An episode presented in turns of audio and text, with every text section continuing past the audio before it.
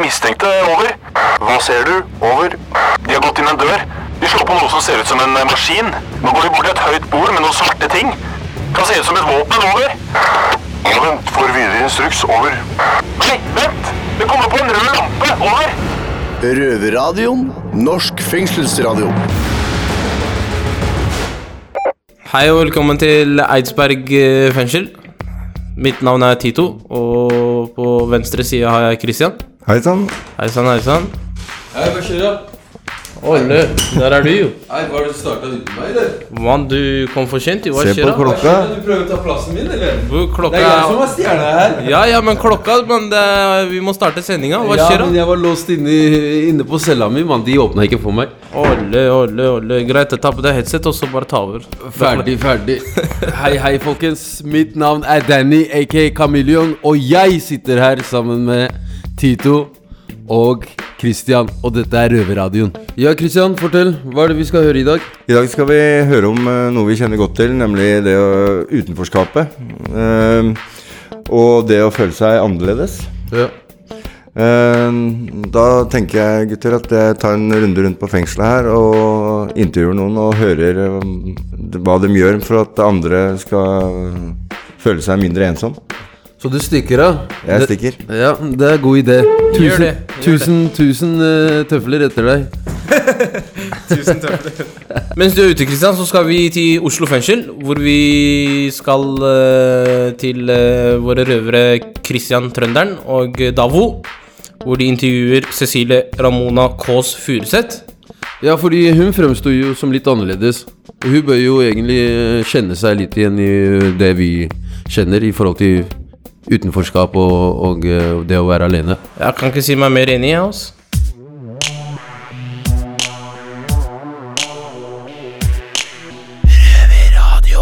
Eh, Hvordan pleier du å introdusere folk i ditt program? Eh, da pleier jeg å la de ringe på døra, Alright. og så må de si et kodeord, og så introduserer jeg hvem det er, og så kommer de inn. Ok, ok. Nei, men altså, du er jo proff.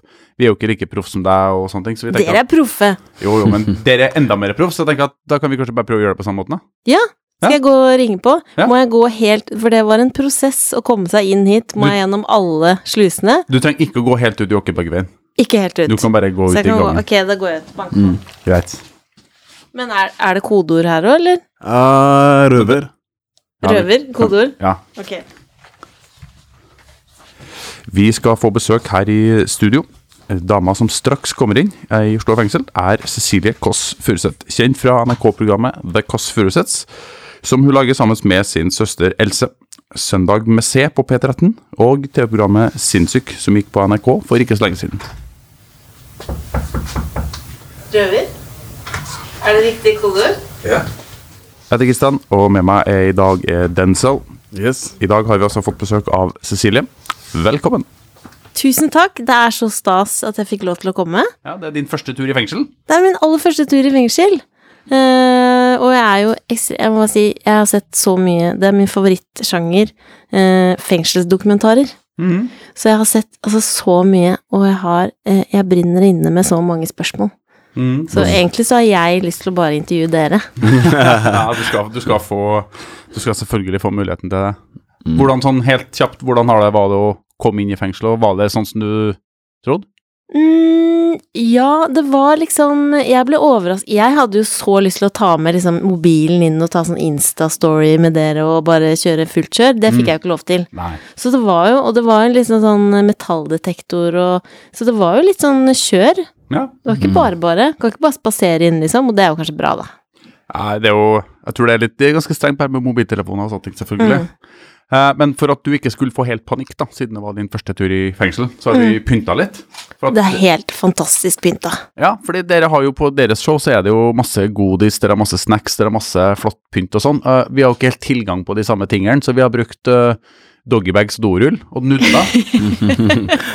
vi har prøvd etter beste evne. da. Det er kjempe... Og sånn papptallerken hvor det står Cecilie. Det er Ja. kjempefint. Men er det Spiser dere nudler som snacks, altså? Jeg tror noen gjør det. Jeg tror det går veldig mye nudler her inne. fordi det er jo ikke alle i Oslo fengsel som har mulighet til å lage mat. De Altså, har, da- de har jo ikke noe kjøkken, så nudler er liksom en enkel måte å lage seg mat på. Ja, ikke sant. Fordi du trenger bare varmt vann. Jeg også liker å spise det tørt. Mm. Du, Cecilie, jeg har et spørsmål til deg. Ja! Har du med noe i safen til oss? Noe i, Safen? i safen? Ja, som i rumpa. Å ja, det er safen! Det kalles det safen? Ja. Det er så gøy at det kalles det. Ja, ja, ja. Nei, men det vet jeg jo at eh, skjer. Men skjer det i Norge også? Har noen tatt med noe i safen til dere? Nei, Det kan dere ikke kanskje si. Er ingen kommentar, egentlig. Ingen kommentar. Nei. Men ja, man putter det altså opp i ratata og tar det med gjennom. Ja. Ja, Hva er det, hvis dere kunne velge én ting noen kunne ta med i safen som du savner når dere er i fengsel, hva ville det vært? Skal jeg svare for min del, så er det jeg savner mobiltelefon, da. Men en Ja. helt ny iPhone er ganske, det er ganske upraktisk å ta med seg, tror Ja, det er sant. Ja, Jeg tror nok jeg hadde gått for det samme, jeg også. En ny iPhone. en ny iPhone. Helst den største, så da har vi et lite Den problem. største Ja, den Ja. Pro, den nyeste. Ja. Det blir vanskelig. Sånn, ja. eh, Det blir, et lite, det blir litt, eh, det blir litt utfordringer. Men eh, da kanskje vi satser på det neste gang du kommer, da, at det er med et Ja. eller annet. Da skal, jeg, da skal jeg få med meg et eller annet. Ja, ja, men det er bra. Men du har jo et, eh, et radioprogram sammen med søsteren din, mm. som beskrives på en ganske spesiell måte. Eh, og det er da 'Ingen bør være alene på søndager'. Derfor inviterer søstrene Else og Ramona på brunsj hver uke. Det er alltid ledige plasser rundt bordet, og alle burde ha en familie, og nå er det Kåss Furuseths din. Eh, og velkommen skal du være. Eh, hvorfor lager du et sånt program? Det er fordi at vi vet, og det er veldig sånn tabu å snakke om fortsatt, at folk føler seg ensomme. Eh, Man skal liksom ikke være ensom eller innrømme at man er det, men det er det veldig mange som er. Og man kan også være ensom selv om man har masse folk rundt seg, eller selv om man har masse venner. Um, Men vi tenker at vi skal prøve å gi liksom selskap til noen som trenger det, eh, for å på en måte være noens venn, da, hvis de har lyst til det, selvfølgelig. Eh, Så prøver vi å liksom inkludere at alle er velkommen, uansett. Mm. Vi i fengsel kjenner jo mye på ensomhet, Ja. og jeg lurer på om du har kjent på ensomhet? Jeg har også kjent på ensomhet, og man kjenner det liksom eh, At jeg kan føle sånn åh, det er ingen som vet hvordan jeg føler det akkurat nå. Eh, det er ingen som vil forstå meg. Og så har jo skjedd at det liksom har vært i et rom med masse fremmede folk, eksempel, og så føler man seg skikkelig ensom. Eh, og at man kan kjenne hvis man er hjemme aleine, så er det sånn åh, nå skulle det gjerne vært noen her. Eh, også når jeg har vært singel og sånn, så har jeg jo kjent på det. Ja, og her så, så for innsatte sin del da, så er det selvsagt mange som føler seg ensom, rett og slett fordi at spesielt her i Oslo fengsel, som det har vært i mye media i siste, at det er mye isolasjon og sånne ting. Man blir rett og slett uh, avisolert fra både samfunnet og de rundt seg. Mm. Men det som kanskje ikke mange ikke tenker over, det er jo at man blir ensom når man kommer ut også. Mange blir faktisk mer ensomme når de kommer ut, Mm. fordi de skal bryte med nettverket sitt, de skal prøve å leve et liv uten kriminalitet. Mm. Hvis det er det eneste livet du har levd, så er du alle vennene dine alt i noen tilfeller, altså familien, da. Så er det liksom, Mm. du skal prøve å bryte med det og da blir du stående helt alene. Ja, fordi hva i all verden skal man gjøre da, liksom? Ja, det er sånn, hva gjør man egentlig Og for hvordan å få finner man Ja, nytt nettverk. Hvordan lager man det? Det Men- er jo kjempevanskelig. Hva er liksom Det er ikke sikkert at du har noe et, Altså, no pressure, men hvordan lager vi et mindre ensomt samfunn? Jeg tror at eh, vi alle må bli flinkere til å se hverandre. eh, og at man ofte kan liksom se om det er noen som trenger deg, eller om det er noen som trenger en hjelpende hånd, da. Enten hvis de ikke har det noe bra, eller hvis du legger merke til at det er noen som alltid går aleine, hvis du er på jobben, at noen spiser lunsj aleine alltid, at man kan spørre sånn 'Har lyst til å sitte her?' eller sånn 'Har lyst til å gå en tur?' 'Har lyst til å ta en is?' Eh, at man liksom eh, kan være litt sånn Selv om det er sånn 'Å nei, jeg skal ikke, jeg skal ikke bry noen', og sånn, så må man bare heller være masete, da. Ja, heller spørre jeg. litt, liksom. Ja, heller spørre og bare presse litt på. Hvis noen sier 'nei, er du helt dust', eller, så får det bare være, liksom. Men man kan, man kan bare, ja, være litt flinkere til å eh, Eller få huet ut av eget rasshøl, som jeg pleier å si. Man må se litt rundt seg. Ja. Mm. Et tilleggsspørsmål. Ja.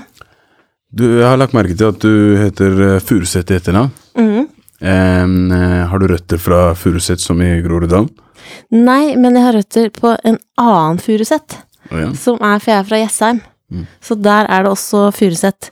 Men jeg tenker jo også hver gang jeg kjører forbi Furuset, at uh, der er liksom uh, Der burde jeg egentlig bo. Mm. Sånn at jeg kan bli Cecilie Kåss Furuseth som bor på Furuset. Du har ikke noe sånn hemmelig gangsterliv på Furuset, liksom? Jeg har ikke det. Jeg har aldri vært en gangster, jeg er bare en helt vanlig nerd. Jeg hadde klart meg så dårlig som det, herregud. Det er jo nerder i fengsel også. Ja, er det mye nerder her? Ja, Vi har jo en her. Det er en del av oss her også. Vi blir, vi blir nok fengsla, vi også, som alle andre. Du hører på lyden av ekte straffedømte. Røverradioen. Hver lørdag på NRK P2 halv fire. Og når du vil som podkast. Jeg tenkte at eh, hvis vi beveger oss litt vekk fra, fra radioen, og så litt mer over til TV-en, fordi du har jo laga en TV-serie på NRK, eh, Sinnssyk, hvor du følger en del mennesker som har eh, alvorlige psykiske uh, lidelser. Eh, og hvordan var det egentlig å møte de menneskene? Eh, da jeg var kjempenervøs for å møte de, også fordi at jeg ikke har lagd TV før, men også fordi at jeg tenkte sånn åh, det er sikkert tungt for de å snakke om det om igjen. Eh, og at det er liksom ok, du skal snakke om dine eh, liksom dypeste vansker, og så skal du gjøre det foran et kamera i tillegg. Men det jeg lærte, da, at det var, det var jo utrolig fine, varme folk som jeg ble sånn ekte kjempeglad i av å møte. Eh, og det var jo også min På en måte Det jeg ville med serien, var å vise at det er helt vanlige folk. Eh, som kan leve verdifulle liv. Eh, med en psykisk lidelse, da. Ikke sånn jeg lever ikke på tross av, men at de lever med. Eh, så det var kjempefint å møte de, og spennende og skummelt og ja. En av episodene handler om deg, at du har diagnosen bipolar. Hva vil det si å være bipolar? Det vil si, sånn en, helt enkelt forklart, så er det at det går eh, mer opp og ned enn hos vanlige folk. Fordi alle har jo eh, dårlige dager, gode dager, humøret svinger, eh, men hvis man er bipolar, så svinger det på en mer ekstrem måte. Eh, sånn at man kan bli veldig deprimert, eller man kan bli veldig høy på livet. Hvorfor valgte du å stå fram med diagnosen din? Eh, det var egentlig fordi, og det er liksom selvmotsigende, men jeg ville si det høyt sånn at man kunne begynne å drite i det. Fordi at jeg syns ikke det har noen ting å si, eh, og det er ingen som er like, og eh, hvis man sammenligner meg og en annen bipolar person, så er det vi har til felles, er noen symptomer. Og det er akkurat som, eh, som dere som er i fengsel, det eneste dere har til felles, er at dere har gjort noe eh, hvor dere brøt loven. Bortsett fra det, så er dere totalt forskjellige mennesker med forskjellige personligheter og ønsker eh, i livet. Så jeg tenker sånn, det er vi er alle individer, vi er alle unike.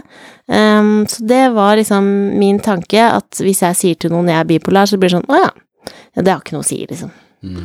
Nei, og altså, i serien så var du jo redd for å bli På at det blir stempla som bipolar Cecilie. Og føler du at det har skjedd? Eh, nei, jeg har, det kan jo hende at folk snakker om meg når jeg ikke hører det, da. De tenker sånn. Men eh, nei, det har egentlig ikke det, altså. Nei. Men det er jo noe med Og det tenkte jeg på når jeg, skal når jeg skulle møte dere også, at man blir jo liksom utsatt for eh, fordommer. Og jeg regner jo med at det skjer ganske ofte med dere også. Eh, at man har sånne Hvis du får vite én ting om en person, så tror man at man vet mye mer.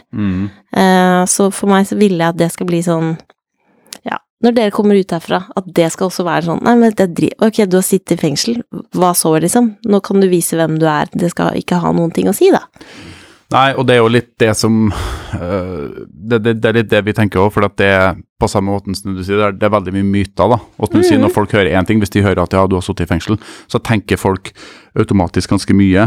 Eh, og altså litt, altså litt det i, forhold til mm, at de du møtte, eksempel, som var har en, en, en, en lidelse, så er det litt sånn i forhold til at hvis du får vite at naboen din er paranoid schizofren, altså hvor farlig er liksom egentlig folk med psykiske lidelser, liksom? Mm. Nei, det er jo, de er jo ikke farlige.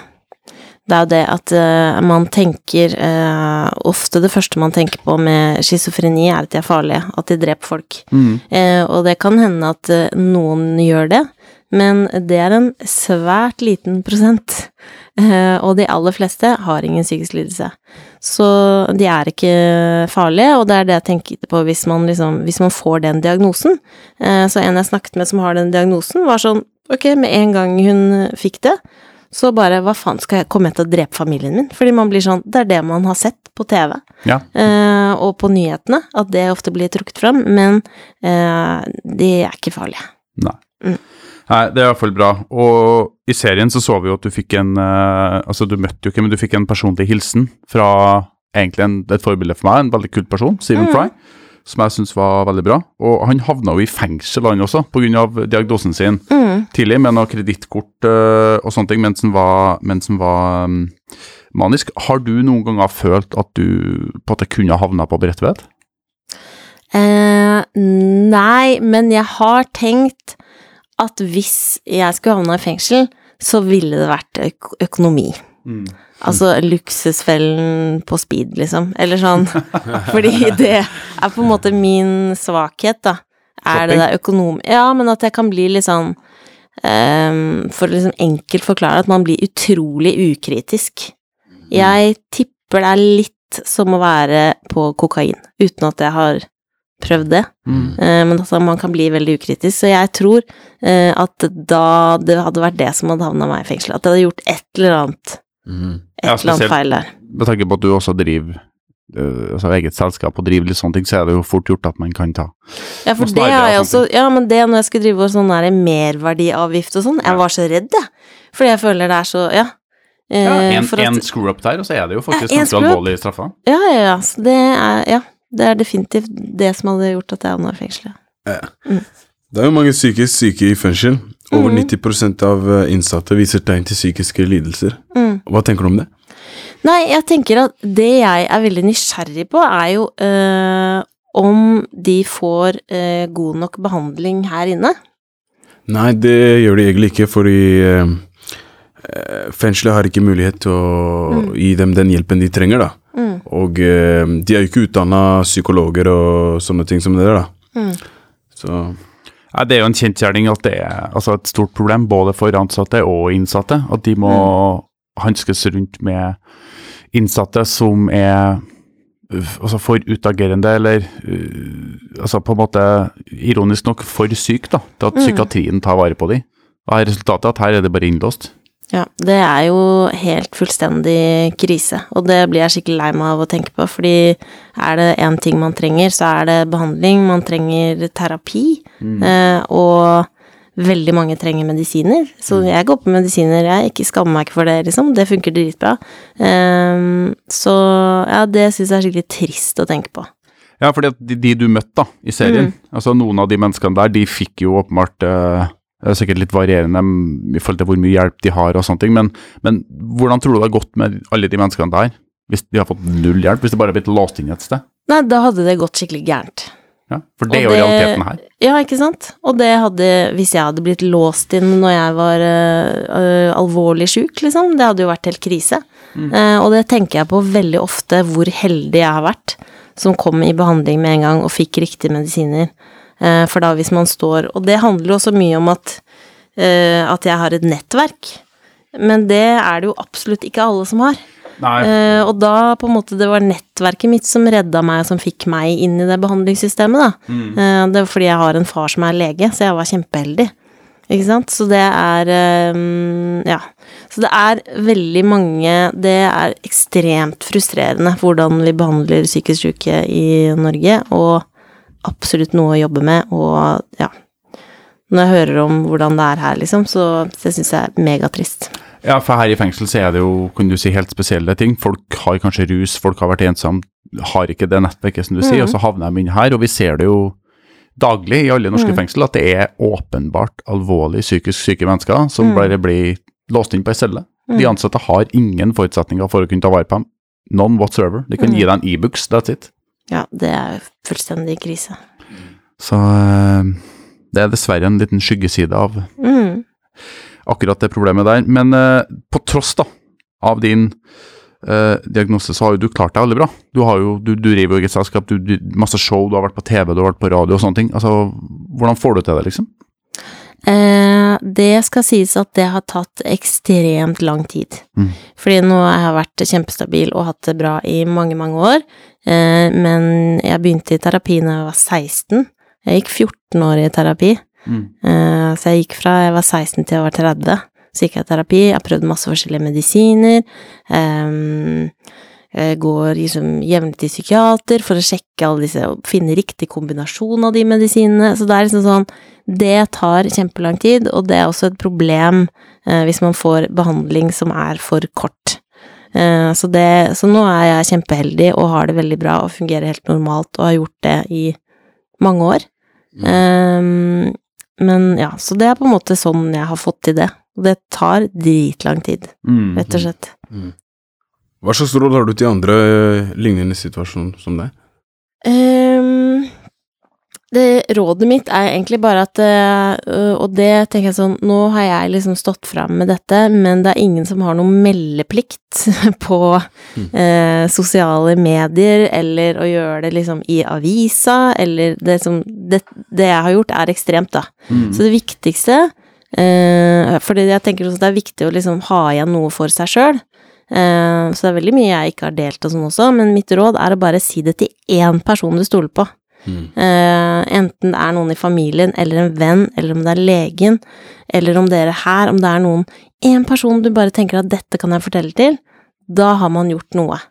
Eh, og så er det, det er det rådet jeg har til den som ikke føler seg bra. Rådet til alle andre eh, strekk ut en hånd, liksom. Ja, fordi det er ganske høy terskel for å si fra Mm. eh, for folk, så man må være litt flinkere til å ta vare på hverandre, tenker jeg. Yes. Uh, nå har det vært ganske mye alvorsprat her, så jeg Ja. tenkte at vi kunne få en litt lystigere stemning nå på slutten her. Uh, vi har en fast spalte i Ja. Røverradioen. Gøy! Uh, vi pleier å spørre folk om en liten røvertabbe. Du sa jo at du ikke var noen sånn utbredt stor gangster, men har du noen ganger gjort noe som er litt sånn uh, halvskjedig, og så har det gått uh, på Jeg har øh, Jeg var i en periode når jeg var tolv år, så stjal jeg så mye greier fra butikken. så jeg var i alle Altså på Jessheim, det var sånn der senter, storsenter, liksom. Jeg var Jeg stjal fra alle butikkene. Eh, og så ble jeg da tatt. Eh, altså, det var Jeg tok mye Hva er det? Tok sprettballer og viskelær og dagbøker og liksom bare forsynte meg på det grøvste. eh, og da måtte jeg da gå tilbake i hver butikk sammen med faren min og si 'lever tilbake tingene', og si unnskyld.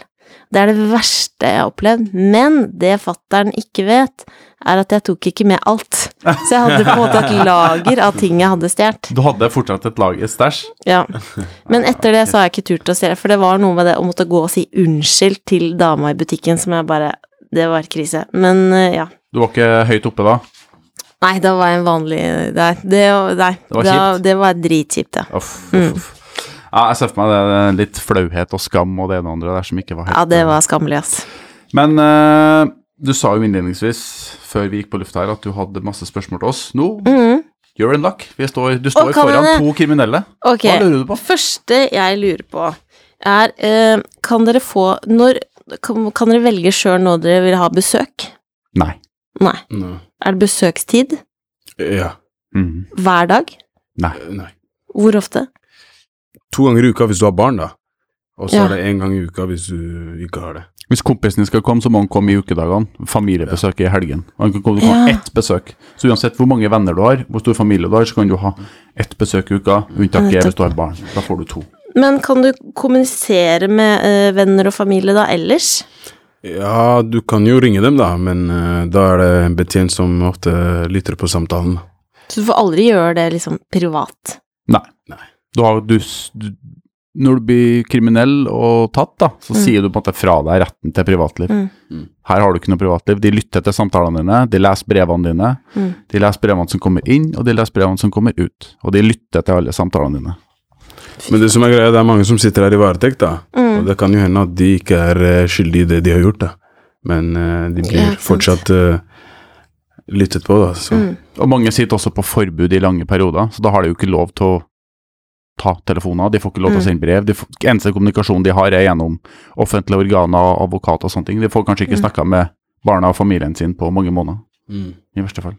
Får dere lese nyheter? Ja. Så lenge du ikke sitter på ja. forbud, så gjør du det. Får dere være på internett? Nei. Nei. På skolen så har du tilgang til et ganske lukka internett, da. Men det får jo omtrent internetten i Nord-Korea til å se ut som et åpent internett. For det er, Det er sånn fire-fem nettsider som fungerer. Hva eh, er det folk som lager sånn Det er et teit spørsmål. Lager folk sånne shivs? Altså sånne Shanks? Shanks og shivs? At de lager sånn det har vel spisser forekommet noen tannbørsten? ganger, men uh jeg vet ikke. Jeg vet ikke, ass. Jeg har ikke sett tannbørsteskjenken, jeg ikke. Men, Jeg har i eh, hvert fall ikke sett det. Men uh, er det sånn her at, uh, man, at man er noens bitch? Jeg ser mye på TV, ok? Altså, det er ingen som går med, den, med lomma ut sånn som det her i, i Nei. Det er ingen som gjør det. i Så det er ingen som Er det sånn hierarki at det er liksom en sånn sjef, og så må man på en måte bli på lag med den personen? Nei, jeg tror kanskje, kanskje altså, Miljøet kan kanskje variere fra fengsel til fengsel. Jeg tror Mm. no, noen fengsel har kanskje mer gjeng, gjengrelaterte ting, og ute i luftegården så kan du godt se at noen henger mer sammen, men det er bare pga. personlige preferanser og Altså, det er fortsatt Norge, liksom, Mm. så det kommer sikkert an på hvilket fotballag du heier på, nesten omtrent, så det er liksom ikke Mm. så Det er ikke Så det er det litt helt som at eh, de norske kommer godt overens med norske. Men ikke Ja. alltid, da. Men også folk går til landsmennene sine, da. Her. At man går dit først, på en måte? Eh, Det er jo Du føler deg litt tryggere, da. Ja, ikke sant? Ja. Det er litt det miljøet du har ute. Og Ja. det er jo mange utlendinger som kommer her fra, fra Romania og sånne ting som det der. Mm. Så de går helst først til uh, deres landsmenn, da. Ja, for For en si sånn sånn. slags tilhørighet. Ja. Her i Oslo fengsel ser vi jo mange fra svært mange forskjellige Mm. nasjoner som sitter i varetekt og sånne ting. Mm. Så de som snakker norsk, henger som regel med de som snakker norsk. Mm. Og øster, østeuropeere med østeuropeere og sånne ting. Er det fellesdusj? Nei. Det er ikke det. Nei. Nei, da har jeg ikke noen flere spørsmål. Nei. Så såpespørsmålet, det bare glemte Det med en gang. såpespørsmål, det glemte jeg med en gang. Jeg må spørre det er nå jeg har muligheten. Når ellers Ja, skal jeg spørre om det, liksom? Jeg er kjempenysgjerrig. Ok, men da tror jeg jeg har fått dekka alt. Altså, siste spørsmål. Hvorfor er dere her? Si det. Det har jeg ikke lyst til å snakke om. Du har ikke lyst til å snakke om det? Har du lyst til å snakke om det? Ja, det er en voldssak. Ok, lenge siden? Eh, Ja, faktisk. For jeg, akkurat nå så soner jeg på grunn av en eh, ting som hadde noe med den saken å gjøre. Så jeg måtte sone ferdig Ah. resten. Jeg var egentlig ferdig, men så måtte jeg tilbake igjen. Kan jeg skrive brev som da de ansatte kan lese gjennom, hvor jeg kommer med flere spørsmål, og dere kan skrive tilbake? Hvis du har oppfølgingsspørsmål, null stress. Ja, er bare sender jeg dem rett inn til enten oss eller til redaksjonen, så skal vi svare så godt vi kan. Nydelig.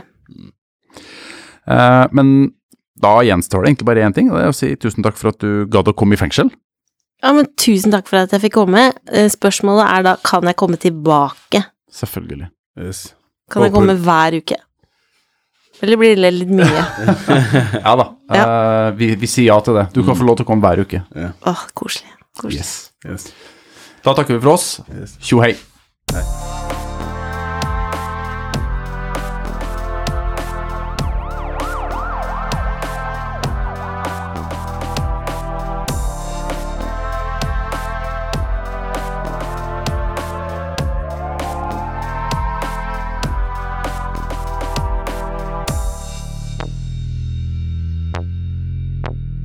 vi skal ut en eh, tur eh, til eh, vår reporter Kristian, som er ute eh, i, avdelingene her og, eh, og intervjuer de andre innsatte.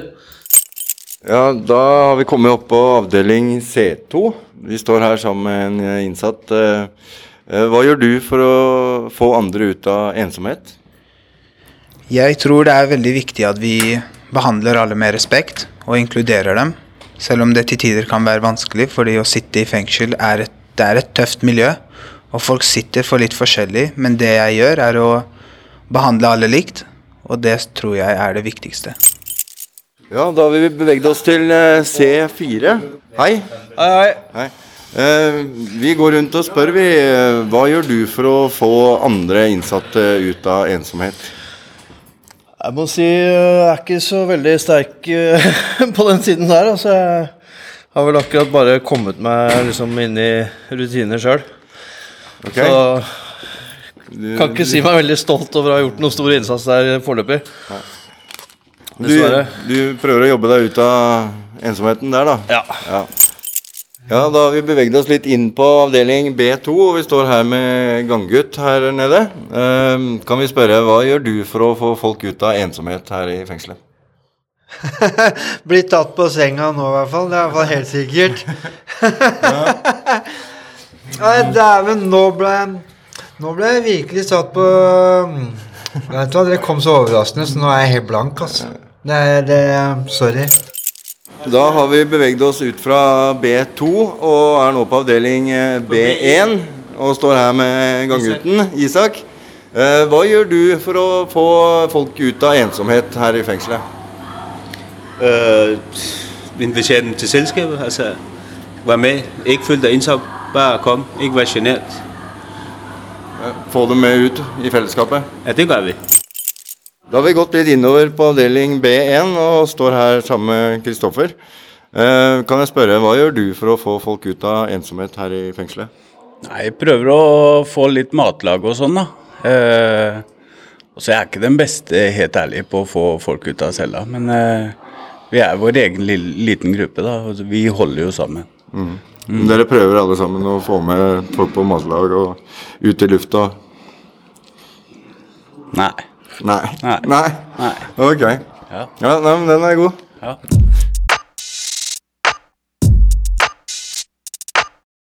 Yes, Danny. Utenforskap. Jeg henger ikke helt med. Kan ikke du fortelle meg litt om hva det er? Utenforskap, det er eh, Jeg kan ta for eksempel eh, Jeg kan ta meg, for eksempel. da Jeg, eh, Når jeg vokste opp, ikke sant, jeg vokste opp i et hjem som Det var et litt ødelagt hjem, med eh, høy grad av vold og sånn, ikke sant. Ja. Og eh, det gjorde jo at det gikk jo utover skolen min. Jeg klarte ikke å konsentrere meg på skolen. Lærerne eh, klarte ikke å ta tak i meg. Og jeg begynte plutselig på spesialgruppe, og fikk ikke ordentlig Hva skal jeg si Jeg fikk ikke gått gjennom skole, skolen ordentlig, da. Ja. Og det gjør jo at du føler på en måte at du ikke har noe plass i samfunnet. Og eh, jeg begynte da å Du vet, når jeg var ute, jeg fant mer Jeg følte mer trygghet ute, så jeg var ute og hang med andre gutter som også var i samme situasjon som meg. Ja. Ikke sant? Og, eh, vi ble en sånn liten subkultur, da. En sånn liten kultur inn- innenfor samfunnet. Ja.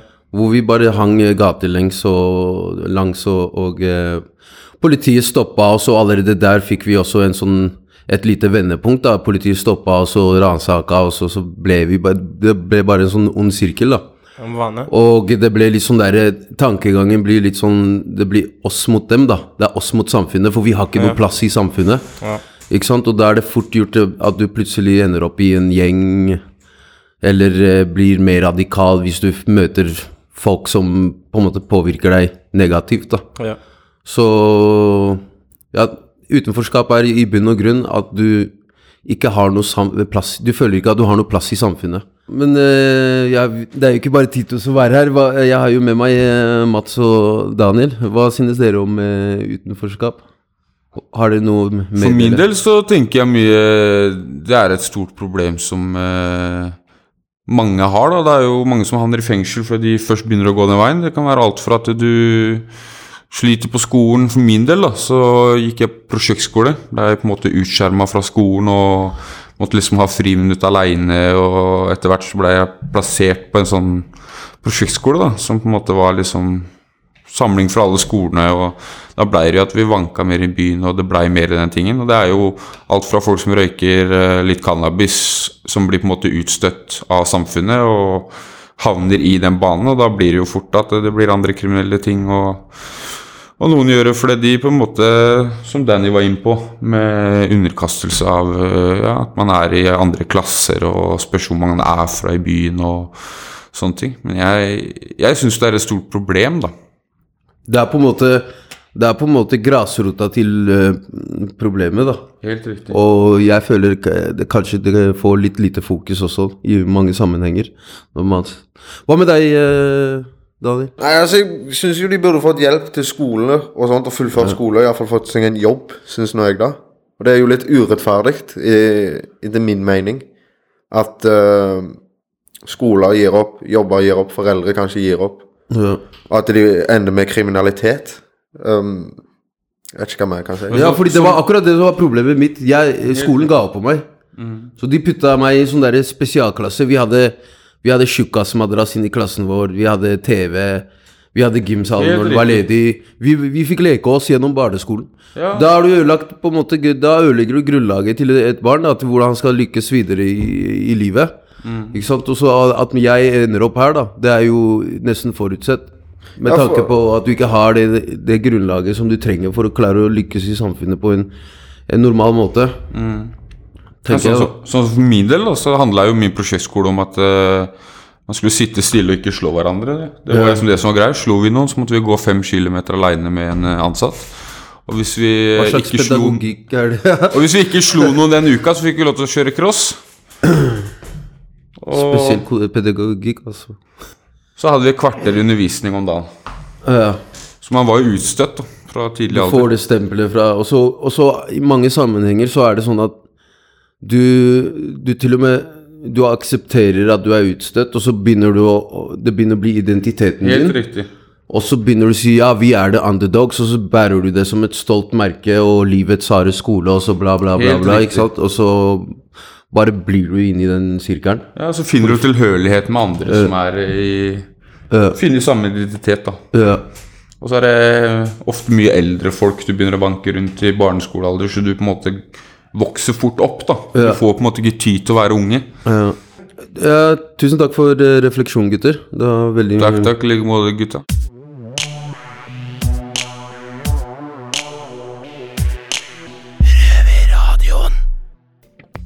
Yes, da var vi ved veis ende. Å, faen, Christian. Du er her, du også? Ja, ja, jeg kommer her. Hvordan var det ute i felten? Det var veldig bra. Fikk vært eh, rundt på C-avdelingene og B-avdelingene, og topp stemning. Ja, Kjempebra. Det var bra stemning. Ja, ja. Yes, eh, Tito. Hva syns du om sendinga i dag? Jo, den var eh, tommel opp, den. ass. Jeg syns at hun Cecilie Ramona Kaas Furuseth var veldig åpen, og eh, syns at hun er en tøff kvinne. Og veldig søt snakk, da. Ja, det var et ganske eh, tungt tema som ble tatt opp, men eh, herregud, noen ganger må man jo snakke om det, det som er tungt også. Hva, eh, Kristian, hva skal du gjøre i dag når du eh, Eller nå som vi er ferdig? Jeg er nede på cella og så prøver prøve å jobbe litt for å få noen flere filmer her i fengselet. Ja, hva slags filmer? DVD-filmer. Ja, Blu-ray. Action, Ja, familie, action, ja. Ja. Ja, ja, ja, ja, det er noe du ikke gidder å si der, men det er greit. Hva med deg, Tito? Jo, jeg skal tilbake til avdelinga og lage meg gløgg. Gløgg? gløgg Ja, vi oss med jul valnøtter og kose meg. Eh, Tito, hvor er det de kan høre oss? Jo, du kan høre oss hver lørdager på P2 halv fire. Hvis de ikke rekker det, så er det på søndag Halv halv ni. ni. Også på podkast når du vil og hvor du vil. Yes. Da takker vi for oss. Over og ut. Ciao.